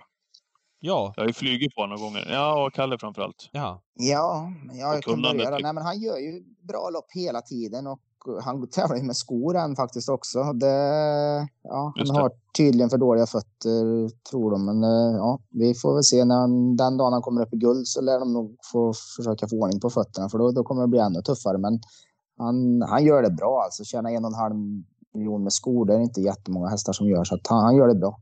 Men eh, vad tror du om eventuellt barfotakörning någon gång i framtiden? Är det så att du känner att här kommer det bli en kick eller? Eh, det tror jag. Det jag tror, tror det på den här. Ja. ja. Mm. Intressant. Mm. Du då David? Jag bara konstaterar att Sweetman som har varit en V75-älskling för många och var väl första häst utanför jubileumspokalen är 3-procentare på hemmaplan. Nog för att han kanske inte blir så de rusar genom klasserna som han har gjort och nu möter mycket tuffare hästar än vad han har men alltså han har ju slagit bra hästar men jag bara känner att jävlar vad lågt det kändes som 3% Är det så att han har slagit i taket nu eller? Jag vet inte. Jag bara... Det, mm. det är ett ganska bra lopp men eh, Sweetman känns ju lågt till 4% känner jag spontant. Vad, vad säger du? Ja, kanske enig där faktiskt. Jag gillar ju... Nu har ju han fått eh, sämsta läget, Rack, Rackham här, men jag gillar honom ändå. 14 procent om han håller sig där omkring så tror jag ändå att han kan vinna ett sånt här lopp. Mm. Men det, det, krävs ju kanske att Björn sätter lite fart på, på, kall, på utsidan. Ja. Kör vidare du så ska jag hosta lite. Ja, jag gör det. V754, ett eh, fyraårslopp eh, med 13 hästar. Favorit nu tidigt är Jerry Jordan Niford Debo eller Niford Debo kanske man uttalar det. Har du, vad säger du här Patrik? Ja, jag måste säga att jag blev otroligt imponerad av när jag satt och kollade på tv-sändningen här när han startade senast. Eh, och det, det är inte direkt så att Reardon ligger lågt när det gäller hans tankar om kapaciteten hos Niford Debo. Han liksom pratar ju, äh, han pratar ju sina, sina kanoner mm. när han pratar kapaciteten hos Nifordebo. Så att rent kapacitetsmässigt så har han väl en jättebra uppgift givetvis. Men spår 5 i voltstart. Mm, får mm. se hur Urberg löser det. Han brukar ju fixa de där lägena ändå, men han är ganska så stor hästen och, och, och sådär. Så att jag, jag vet inte exakt hur, hur Berg kommer iväg. Det var skillnad han fick stå själv där framme senast eh, på grunddistansen och, och lunka igång. Men eh, kapacitetsmässigt klart bäst i loppet. Utgångsläget ett litet frågetecken. Så kan jag summera. Vad säger du, Kalle? Ja, jag håller med fullständigt. Han har ju, det har hörts på Jerry att han håller den här hästen jättehögt, men han har ju varit lite strulig av sig. Nu sist så, som du sa, så fick han stå själv där framme, men han drog ju musten av bra konkurrenter, så att kapacitetmässigt så är han ju hästen i gänget, men jättelurigt spår här alltså.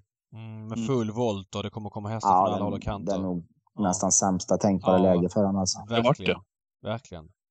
Mm. Han hade heller tagit längst bak, liksom längst ja, det ut. Tror jag. Det ja, tror jag. ja, tveklöst. Tveklöst. Ja, där eh, bakom blir det ju öppet såklart. Ja. Oj. Oj. Ja. Mm. Eh, du då David? Nej, jag har ingen Någonting? speciell take ingen mer än det där just Nej. nu. Jag, det, det, jag kommer gardera honom nu. 28 står det nu i procentsatsen. Det kommer väl eh, kanske gå ner lite grann ja. på, att, på att många vet Nej. att det är ett stökigt spår men jag kan inte gå på en sån häst. Det, det går inte. Ris risken ligger ju där. Ja. V75 avdelning 5, Kalle. Du kör nummer 10, Ivan Boko. Vad säger mm. du? Jag tror jag har kört han en gång förut och vann då. Jättefin häst och visar bra form sist. Uh, absolut om man tar ett uh, tre, fyra hästar så pass tidigt tycker jag nästan han är trots bakspår. Mm. Mm. Du har ju kvalat Gassabé här för mig också. Uh, mm. fin häst också. Ja. Uh, Jänkarvagn ja, igen för övrigt. Ja, det kan vara intressant. Men det är vingeläge deluxe här va? Ja. Nej, så är det väl. Axel mm. Wind blev ju rejält skrik senast, eller näst senast på V75. Ja, eh, jag gillar den. Ja, jag gillar också den. Det är jänkarvagn nu och uh, Uffe Olsson igen som körde på, på V75 Rättvik. Jag vet inte.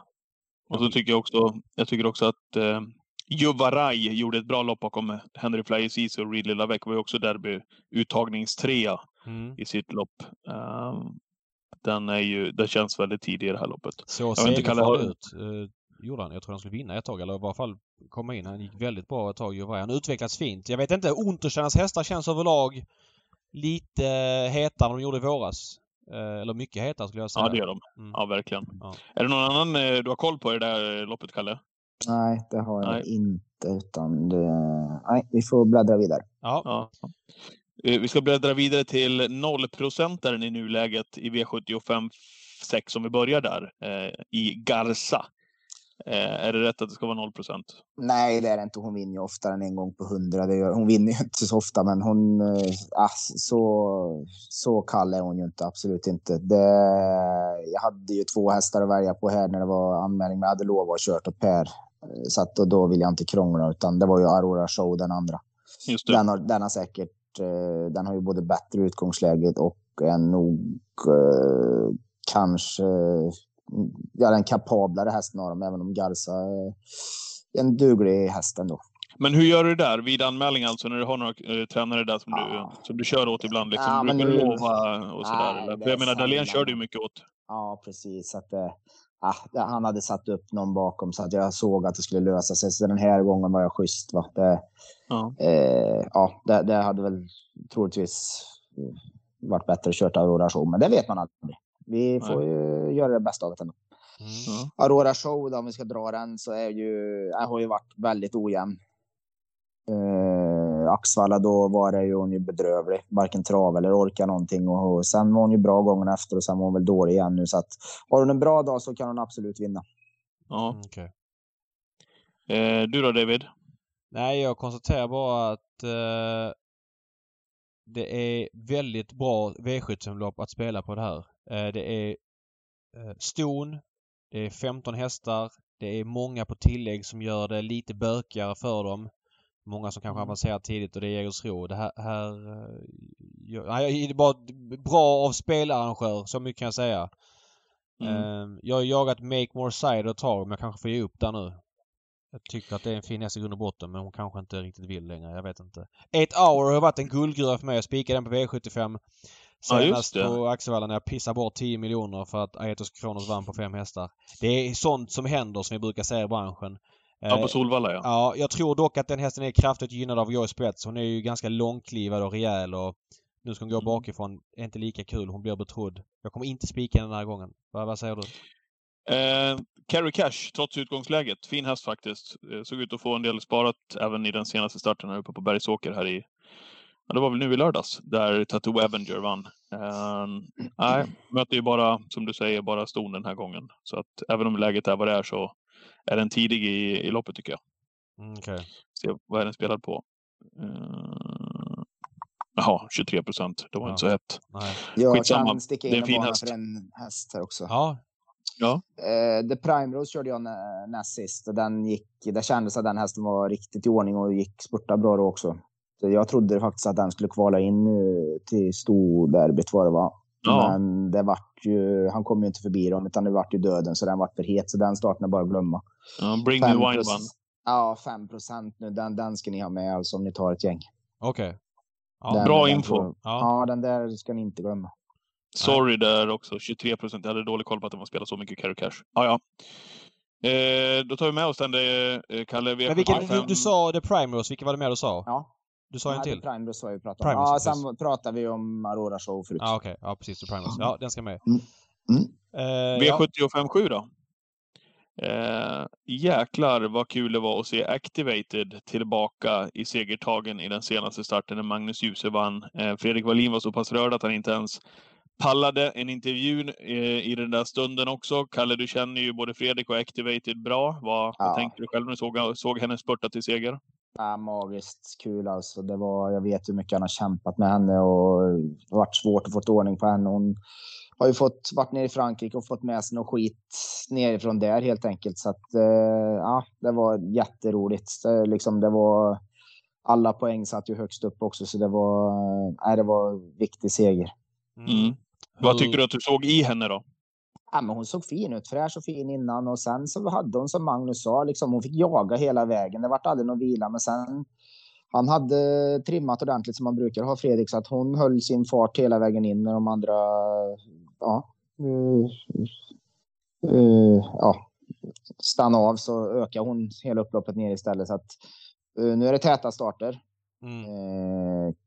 ja, man vet ju aldrig. Det kan vara både plus och minus, men hon gick ju full, med full fart ända in i mål så att förhoppningsvis så är det ett plus. Mm.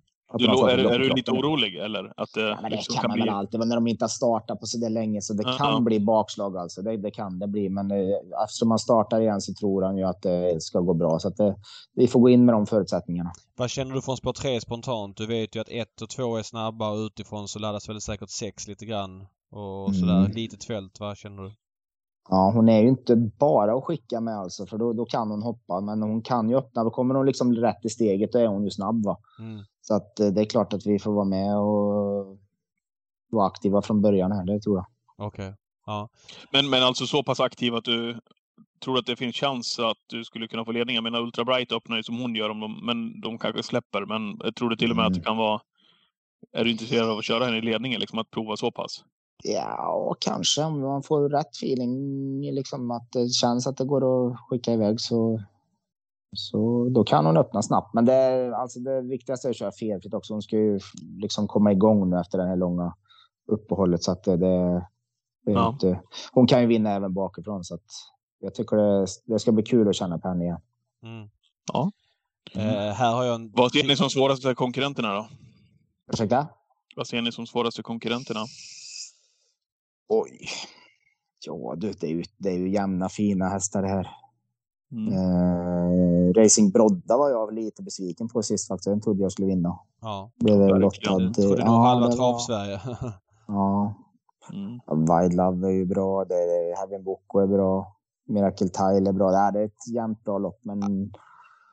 Jag, jag har en tydlig take på Miracle Tile. Den blev grovt överspelad som 31-procentare. Vi ska komma ihåg att den fick loppet på läppen senast. Visst, det var en bra tid och sådär men det är en sak att hänga med på ryggledaren så på loppet som den fick då mot att nu Visst, det är Jägersro men jag har ingen feeling för att den bara spårar runt om i lopp utan det ska nog vara lite serverat och det är ganska bra hästar mot och litet fält gör att många av de här sportstarka, typ Wild Love, kanske Activated, kanske Kalle Smart på hemmaplan kommer sitta bra. Men det finns ingen skop Kalle Smart men de kommer sitta bra på det och jag vill inte hålla Miracle Tile i handen som favorit, det kan jag säga. Nej. Nej, jag håller med dig David. Mm. Uh, helt klart vad gäller den. Uh, yes. Uh, ska ni summera V75-omgången på något sätt? Din bästa segerchans, Kalle? Åh du det är nog så att... Eh, ja, men det är nog hugget som... Nej, det kanske är B-time ändå, va? Det, det är nog hugget som stucket mellan Activated och B-time. Mm. Mm. Sen är det ju outsider på Björnster. Ja, Ivan Boko. Mm. Mm. Och så tar vi med oss The Prime Rose också ja, som men är lite varning. Ja, men det tycker jag. Eh, vi ska snacka lite derbyt. Jag måste bara flika in derbystot. Du kör Sayonara där. Eh, vad känner du i eh, försöket? Det gick ju bra, men hon, det, hon, ah, hon har inte det där riktigt att man, hon kan. Man kan inte ladda max med henne. Nu öppnade hon bra, men det, det räckte liksom inte till att hålla ut Magnus eh, häst, utan då var det ju ryggledaren. Sen såg jag vad de höll på med, men alltså det gick inte och jag förstod att hon skulle skifta. Jag var med på det, men det gick inte att flytta henne utåt i svängen liksom och glida med, utan det, då hade jag nog ja, hon, hon, hade nog hoppat då, eller så hade Erik kommit ner bakom ändå, så att det, det hade inte blivit något. Eh, sen gick hon bra, gick en jättebra tid utvänt av ledaren och eh, ja, hon kändes fräsch och fin hästen. Och jag sa till Fredrik, du får se till att dra boll 1 till 3, men det gjorde han inte. fyra, så det, det var riktigt surt, för det hade varit. Eh, ja, nu vart det spår lite väl långt ut här. Känns som att det är ett jämnt lopp. Jag menar, håller varm Alltså så här, hon ser ju bländande ut och hon är startsnabb och, och, det är klart att det är tufft att slå henne i ledningen. Men samtidigt kan man ju se henne, jag ska inte säga packa ihop men man kan se henne för långt hem sista hundra med tanke på att det är så bra hästar emot och Hobokenham lite halvhet i, i sitt lopp. Det kan ju bli fart på grejerna här och du kan hamna helt rätt på det. Ja, det kommer ju att bli körning här, det är jag helt övertygad om. Örjan måste framåt också. Det är jänkarvagn ja, på det... för övrigt. Uh, mm. Jäkligt bra lopp det här alltså. Det, ja får man lov att säga. Ja. Mm. Vi får slå underläge. Det är surt på läget bara, men vi får hoppas på att det kan hända någonting, att vi kan droppa ner någonstans. Då är hon ju... Hon är ju inte sämre än de andra, det tycker jag inte. Nej. Och, och, och, innan vi rundar också. Eh, jag vet inte, har ni kollat över via fyra omgången till på lördag? Eh, det känns inte som det hetaste direkt. Det är fem hästar i första. Nej, men lyssna här. Det är fem hästar i första V4. Det är sex hästar i V4 2. Det är nio hästar i V4 3. Mm. Och det är åtta hästar i V44. Mm. Alltså, Jag har aldrig sett något liknande. Nej, det är Jägersro i ett nötskal. Det, ja, det är helt Alltså prio är att de fick till V75-omgången, det måste jag säga. Jag, jag, jag skiter i lite grann i vad V4 är, men det säger mycket om Jägersro. Uh, att det ofta ser ut så här på Jägersro. Det är liksom inte första och definitivt inte sista gången.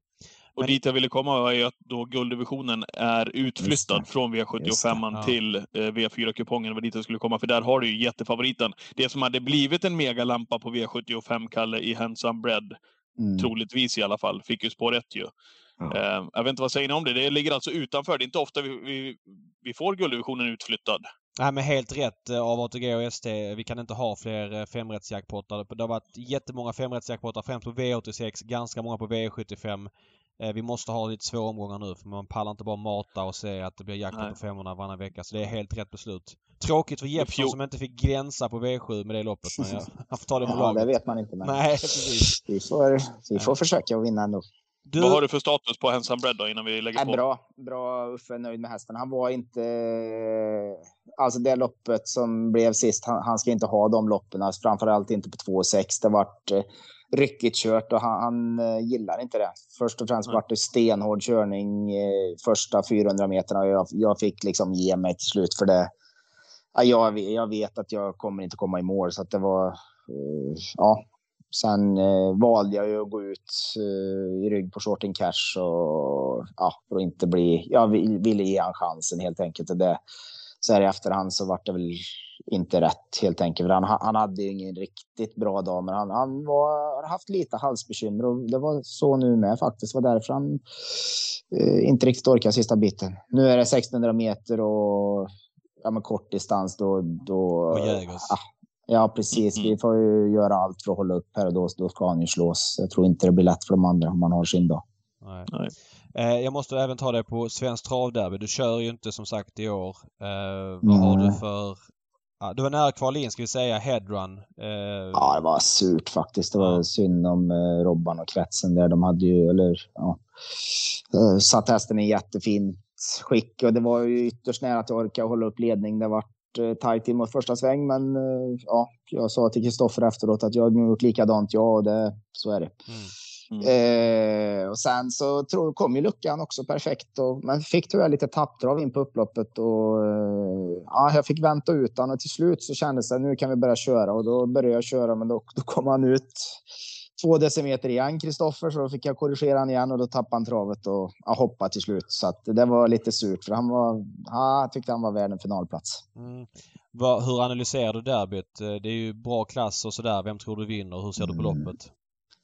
Ja, det är ett jätteintressant lopp alltså. Fy är det inte så? Alltså, hästar är, är, är, ja. är, det inte så att det finns en... Jag tror att det finns en dold enorm startsnabbhet i Category Games och att han bara blåser till från spets och sitter i spets. Eh, Önas Prins är snabb ut, Bramling är snabb ut men om Jorma får tre kvarts längd så tror jag att Per Nordström inte liksom vill köra eller jag vet inte. Jag tror bara att han tvingas ta upp till slut. Jag vet inte, vad säger ni om det? Ja, jag håller med. Jag tror att han kommer att, han kommer att ladda här. Ja. Det, det tror jag alltså. Det, uh, vad fin han ser ut hästen. För vi vet ju att Örjan kommer att ladda, Nordström kommer att ladda, eh, Jorma kommer att ladda. Eh, sen utifrån vet jag inte men eh, Örjan tror jag släpper, det här är min gissning, jag tror att Örjan släpper till Calgary Games om det är de två det står mellan. Däremot tror jag inte att Nordström släpper till Calgary Games och jag tror inte att Örjan släpper till Nordström om man kan hålla upp. Så att det finns lite olika scenarion men, men skulle Jorma bara skicka, du vet när Jorma bara tittar framåt och, och, kastar linorna. Då är det inte kul för Nordström om det är han som är emellan och ska svara upp. Eh, även om, ja, det inte verkar som att mm. kanske Örnas Prins blir favorit men eh, jag tror Calgary Games tar sig till ledningen. Det får kosta vad det kosta vill och sen så tror jag att han blir jävligt svår att slå.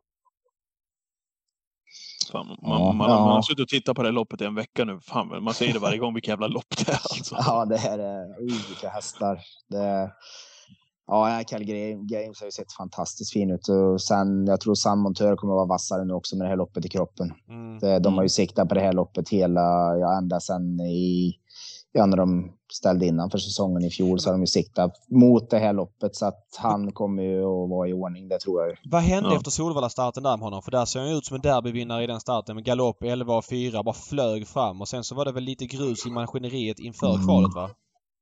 Det var någonting, eh, så jag, jag har lite dålig koll på men det var någonting som gjorde att han inte fick ett lopp till i sig. Vad det var, det vet jag inte. Nej, jag fattar. Nej.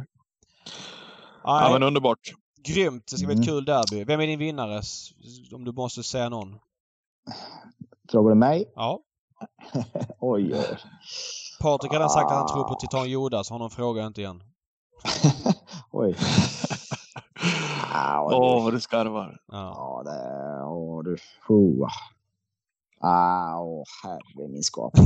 det här, det här, det här jag, jag törs inte säga. Jag är så dålig på att tippa också så jag vill inte jinxa med någon här utan jag, jag säger pass. Det, det, är bara underbart att se de här hästarna tycker jag. Ja, jag, jag säger bara följande. Det är alltså eh, ingenting omsatt på V75 och jag tror att Annas Prins kommer dra mycket spel. Men, men Calgary Games blir han inte favorit så kommer jag springa till luckan. Det kan jag garantera. Eh, jag har jättefeeling för att jag tror det blir någon barfotabalans. Jag, nej, det blir lite snack av det hela för att man inte sett någon botten i dem. Men som han dansade runt ovalen senast, som han ser ut. Han joggar alltså. Eh, gick han barfota sist eller? Nej, han gick med skor. Han gick med skor och, eh, och ja men det förtroendet man har för Nurmos till att toppa eh, för en sån här uppgift. Jag, jag, jag tror att han blir mm. ruskigt svårslagen. Eh, det är känslan. Jag sticker inte ut hakan på något sätt men, men eh, det är min absoluta övertygelse. Sen vill jag bara säga det att han har tjänat 385 000. Jag vet inte när en derby favorit, om man nu blir det, det tror jag att han blir innan det är klart, eh, har tjänat så lite pengar. Det känns otroligt lite. Mm. Ja, så var det med ja. det. Ja, Jeppsson, ja. du ska ha stort tack. Grymt snack. Ja, tack ja. Eh, lycka till eh, på, i helgen då i Malmö så, så hörs vi. Ja, Toppen. Sköt om dig. Tja. Tack, tja, tack. Hej, hej, hej. Mm. Vad tar du med dig från Jeppsson-surret här vad gäller V75? Ja, men jag gillar det här när det är ju för lyxigt att få ha en gäst som pratar om V75 och just när de pratar om hästar de har kört eh, och hästar de har mött, hur de ser på dem. Väldigt nyttigt. Sen det här med att man tar för givet att alla kuskar ska vara lika bra på alla banor. Det är ingenting man tänker på som V75-spelare. Eller inte speciellt ofta. Eh, kanske nå någonting man ska ta till sig. Sen är det ju så att Ulf Olsson är så pass rutinerad att nog kan han volta jättebra. Men det kan vara det lilla som avgör. Det är sådana grejer man mm. tar för givet. Så att eh, Eh, värt att notera att klar hemmaplansfördel, nu är inte Jägersro hemmaplan, men hemmaplansregionsfördel för Johan Untersteiner. Kanske i spetstriden i V71. In och köp andelar om ni vill på spel och lekkontoret. Ni hittar Patrik är stekhet eh, får vi säga med, med, med färsk vinst. ja, precis.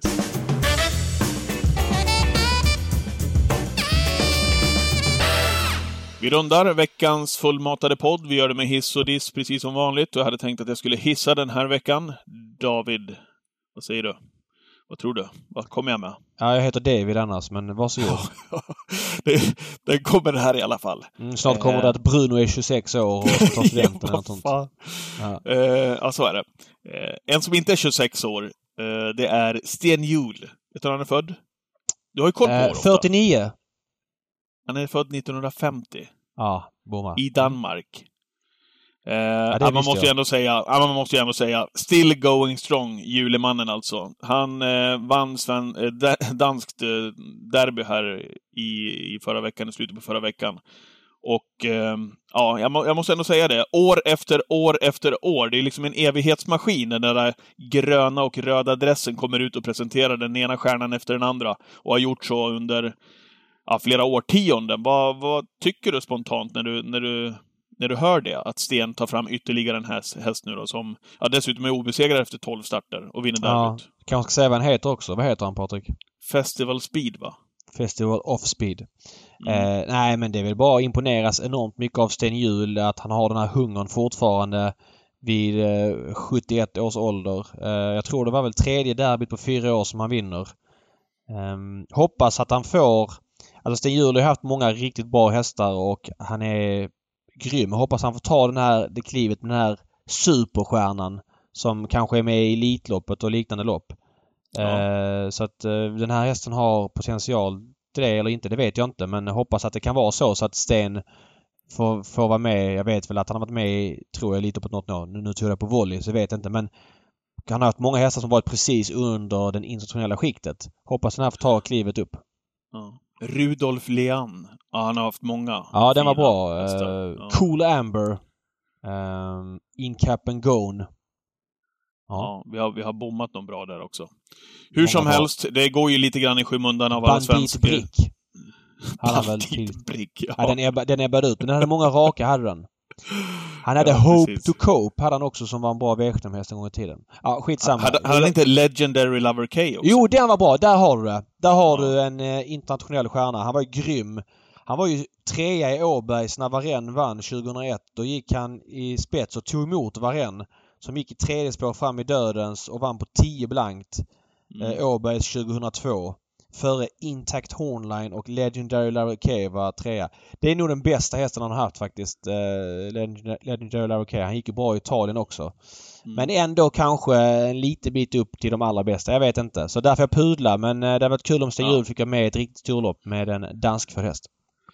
Så är det. Rudolf eh, Lian nämnde där också i förbifarten, men kul i alla fall att eh, eh han fick vinna dansk derby. Lite grann i skymundan av vår svenska fina travsport som vi har fokuserat på. Det var mm. veckans hiss det. Vad, vad, har du landat in i? Ja, men jag vill passa på att hissa en grej till. Jag vill bara läsa det här. Jag hade inte koll på det själv. Men Erik Adielsson har alltså kört 10 000 travlopp utan att dra på sig en enda bot. Eh, vi pratar ofta om eh, fula drivningar eh, och allt det där och vi pratar om en kusk som ändå är med och slåss i de största loppen och kör med små marginaler som krävs för att eh, ja, för att vinna de stora loppen och, och liksom nå topplaceringar. Det gör Erik Adielsson. Och ändå så har han inte dragit på sig en bot på, på de här loppen. Det är imponerande och eh, väl värt en... Eh, ja, väl värt att uppmärksamma ska jag säga. Missförstå mig inte, eller missförstå mig rätt. Eh, det är precis det där du säger. Han är i den yppersta världseliten och ändå har han 10 000 lopp nu då utan utan eh, någon förseelse. Man hade kunnat säga då i så fall om man tävlar i lägre klasser mot sämre kuskar, att du inte åker på några böter, ja men då kanske du inte heller kör liksom, med de marginalerna som krävs för att kanske vinna eller vara framgångsrik. Mm. Men det är mm. det som gör det här så otroligt exceptionellt, att han är på den nivån, världseliten, mm. och ändå har det här facitet. Ja, otroligt imponerande. Ja. Eh, Men du ska, skulle dissa? Jag ska dissa. Jag kommer dissa med stort D. Eh, först vill jag bara säga det förresten, jag glömde bort att Art Galay har varit klart förbättrat eh, på slutet. Det var ju dels derbykvalen som vi pratade om i förra podden som var mycket bättre än tidigare. Sen i lördags tog man hand om loppen mycket bättre. Så det är väldigt kul att man eh, ändå lyfter fram den sportsliga kvaliteten i liven. Mm. Eh, jag såg att det tidigare, vill bara berömma det. Eh, på, eh, i Jägersro, eller på Jägersro i helgen är det alltså Svenskt travderby. Det är topplopp. Det är bra V75-omgång på lördag. ATG och ST har gjort det bra genom att flytta ut till exempel gulddivisionen som vi pratade om. Eh, men det är någonting som inte stämmer. Jägersro kör alltså många lopp i helgen. Eh, på lördagen eh, när många travtränare är på plats. Det är en stor helg. Det ska vara en av de här helgerna som säljer travet. Lopp 1 Derbymontén, fem hästar. Lopp två, eh, ska vi se vad det är för lopp. Mellan 14 och 62 000 som man har tjänat. Sex hästar. Lopp tre, Svensk Travsports ungeserie. Treåringar. Nio hästar. Lopp fyra, gulddivisionen som har flyttade ut. Åtta hästar. Lopp 12, samma dag. Eh, det är treåringar. Sex hästar. Söndagen, lopp 1, tvååringslopp. Fyra hästar. Och eh, ja, det här är alltså Jägersro i ett nötskal. Vi ser en trend med allt oftare lopp som inte fylls. Vi ser V86 här på onsdagen. En superomgång där flera loppen är halvfulla. Solvalla har haft problem med treårsloppen under ett par år. Det har varit tunt anmält trots fina prispengar.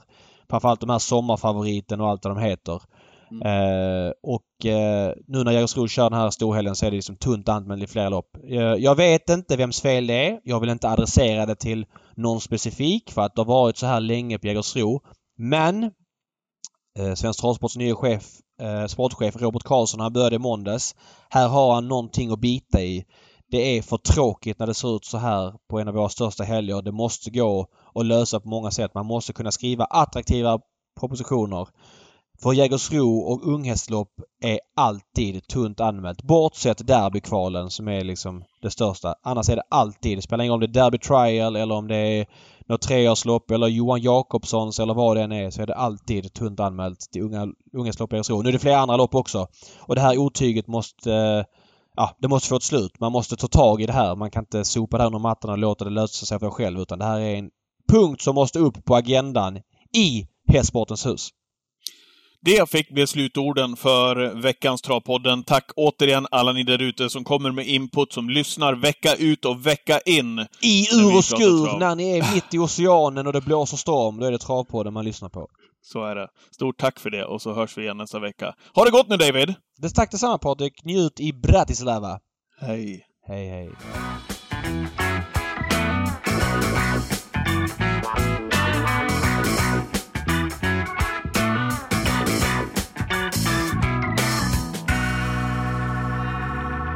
Ja men här är den! Travbot... Travbubblan. Här är den, Travbubblan.